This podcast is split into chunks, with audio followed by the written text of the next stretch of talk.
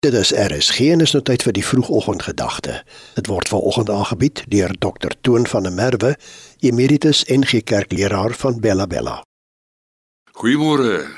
Markus 6 vers 35 nooi die lesers in ons gedeelte na 'n besondere toneel aan die oewer van die meer van Galilea.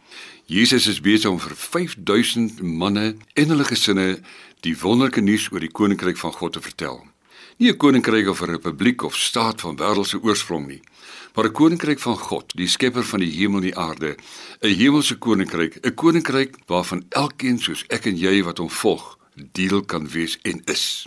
Die koninkryk waar daar geen hongermense is nie, huislose mense, siek of doof of behoeftige mense is vir altyd en ewig. Vir 'n paar dae luister die mense wat daar op die oewer van die meer van Galilea saamgetrek is, gefassineerd en aandagtig na Jesus as hy vertel van die koninkryk van God. Meeste van hulle het waarskynlik beplan om net vir 'n dag te gaan, maar nou kan hulle nie weggaan nie. Soos die disippels later sê, "U woorde het die ewige lewe."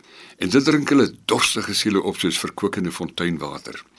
Jesus kom agter dat hulle nie genoeg kos saamgebring het nie en begin honger raak. Hy roep sy disippels nader en vra hulle om kos vir die skare voor te sit. Ek dink sy disippels was spraakloos oor sy versoek.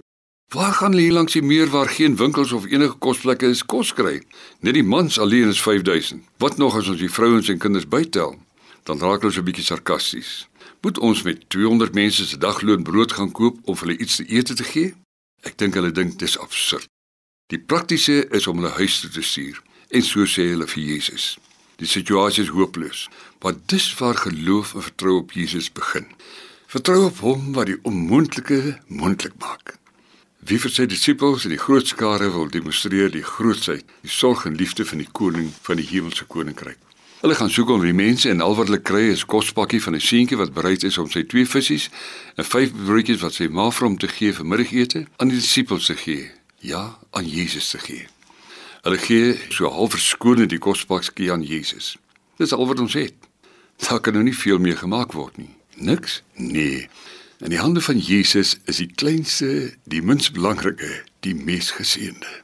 En nadat Jesus die seën oor die geringe gawe gebid het, toe word dit kos vir duisende en nog meer, want hulle daarna nog 12 mandjies van brood en vis bymekaar gemaak.